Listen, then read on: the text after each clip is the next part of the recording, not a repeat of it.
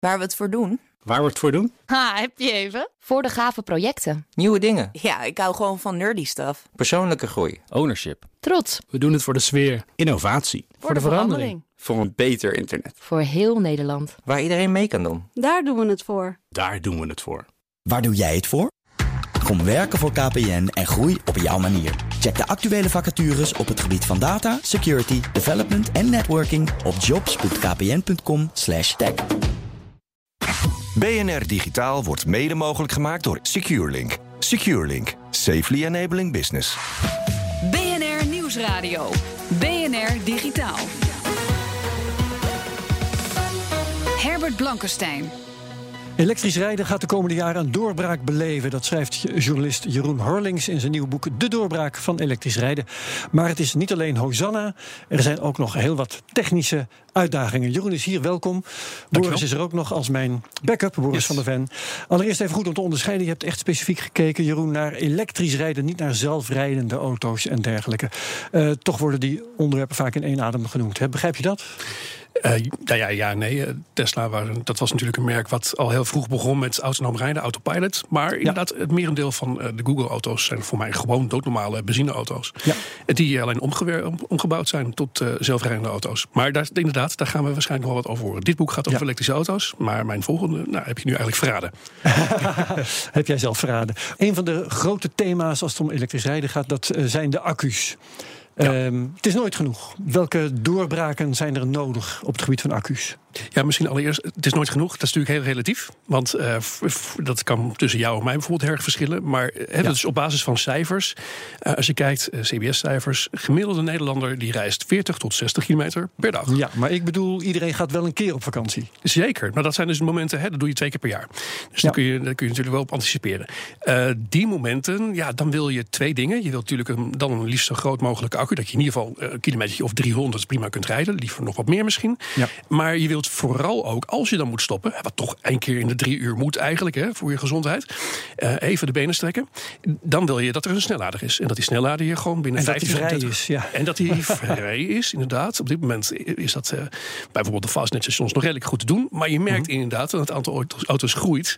En dan lopen we misschien tegen een wachtrij aan. Dus inderdaad, dat moet meeschalen met de verkopen van elektrische auto's. Ja, maar wat zijn er dus technisch voor doorbraken nodig om accu's beter te krijgen? Wat, of wat zit er in de pijplijn? Nou ja, eh, helemaal in de beginfase, ja, toen, toen eh, installeerden fabrikanten, laten we zeggen, 20 kilowattuur accu's. Ja, die zijn vrij klein. Dan heb je het over 120 kilometer dat je mee kunt rijden in de zomer en 80 in de winter. Er zit toch wel verschil Ja. in, helaas. Eh, op dit moment zitten we echt in een soort van eh, ja, doorbraak. eh, dat je eh, bij nieuwe auto's gewoon 300 kilometer standaard is. Dat zijn 40 kilowattuur accu's. Eh, de volgende generatie, en dan hebben we het niet over dure Tesla's, maar hebben we het echt over gewoon normale merken van 140.000 euro nieuw. Ehm, eh, Hyundai's en dergelijke, eh, Renault's, Nissans. Ja. En, en die eh, kunnen straks gewoon 60 kilowattuur. En dat is toch wel een Dus kilometer dat- of eh, 400, 500. Dat komt min of meer vanzelf, zeg je eigenlijk. Dat komt gewoon. Ja, we zitten nu op het punt dat eind dit jaar, begin volgend jaar, is in dat, dat type auto's is een behoorlijk aanbod van. Op dit moment moet Ja. je nog een beetje zoeken. Zit het, niet, ja, zit het niet ook in de laadtechniek? Kan me voorstellen dat op het moment dat je gewoon in vijf minuten je auto eh, vol laat, dat je dan niet meer een accu hoeft te hebben die 500 kilometer meegaat. Dat, daar zit het hem zeker ook in. Ja, dat, dat gaat ook weer stapsgewijs. Dus er worden eh, verschillende snelheden voor gebruikt, uitgedrukt ook weer in kilowatt. Ehm, dus eh, de gemiddelde snelheid op dit moment is rond de 50. Eh, er zijn een paar stations die hebben 150, 175. Tesla gebruikt 120 kilowatt. Dat is al best wel snel. Dan heb je het over een half uurtje. Er wordt gewerkt momenteel aan een heel breed netwerk van verschillende autofabrikanten die dus samenwerken onderling.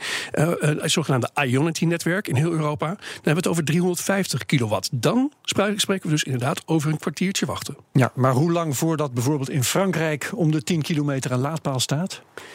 Ja, Frankrijk is misschien ja, wat eh, lastig land. Hè. Ja, dat vond ik ook al. Precies. Duitsland heb je de Deutsche Gründlichkeit. In Nederland hebben wij eh, het meest fantastische netwerk van de hele wereld qua infrastructuur momenteel. Ja. Ehm, Frankrijk eh, is, is lastig, want soms doen de laadpalen niet. Dan moet je bellen. In het Frans natuurlijk, want niemand spreekt Engels. Nou, dat soort praktische problemen, daar lopen vakantiegangers op dit moment wel geval tegenaan. Je moet dus ja, wel wat apps bij je hebben om te kijken waar staan de, de alternatieven. Ja, maar ook in Nederland, hè, de, mijn ervaring is dat tenminste, uh, er staat een auto te laden, of er staat een auto die staat niet eens te laden, of die laadpaal die vind ik wel, maar hij staat op het terrein van een bedrijf achter een hek. Er is altijd wat. Er is, er is inderdaad altijd wat.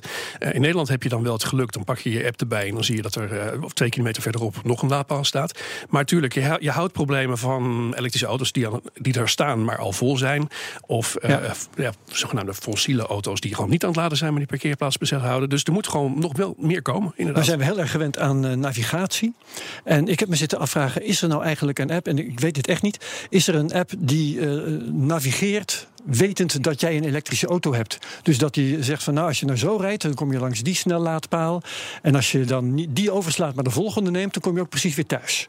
Ja, noem maar wat. Dat is redelijk gangbaar bij de moderne elektrische auto's. Die hebben soms optioneel, maar vaak ook standaard zo'n uh, routenavigatiesysteem.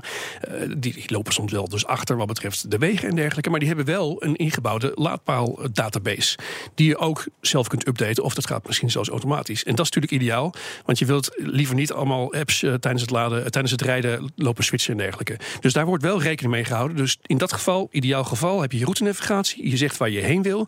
Hij zegt: dit is de ideale route, gebaseerd, mede gebaseerd op het aantal laadpalen en hoe lang je daar moet wachten. Ja, en Waze, Waze doet het ook. Waze is een veel uh, gebruikte app inderdaad van Google volgens mij. Ja, Die heeft het ook inderdaad. Denk jij serieus over elektrisch rijden, Boris? ja, dat dacht ik wel heel erg. Ik, ik sterker nog, ik stond klaar om een Tesla aan te schaffen en toen heb ik besloten om het niet te doen vanwege privacy gevoeligheid van elektrische oh, auto's. Ja, en we hadden besloten om daar niet al te veel over te praten vandaag. dat, dat is natuurlijk een gigantische discussie. heb ik toch gezegd. Maar wat ik me afvraag. Heel ik, kort. Ja, heel kort. Ik zie nooit mensen die elektrisch rijden die zoiets hebben van. Nou, ik ga terug naar een benzineauto. Waarom is dat? Nou ja, dat is omdat uh, twee dingen. Het is heel goedkoop. En het rijdt gewoon echt fijner dan een benzineauto. Geen lawaai, uh, one-pedal driving en dergelijke. Het is echt een hele fijne rijervaring. Oké, Jeroen Horlings, dankjewel. De doorbraak van de elektrische auto. En het volgende boek gaat over zelfrijdende auto's. BNR Digitaal wordt mede mogelijk gemaakt door SecureLink. SecureLink, safely enabling business.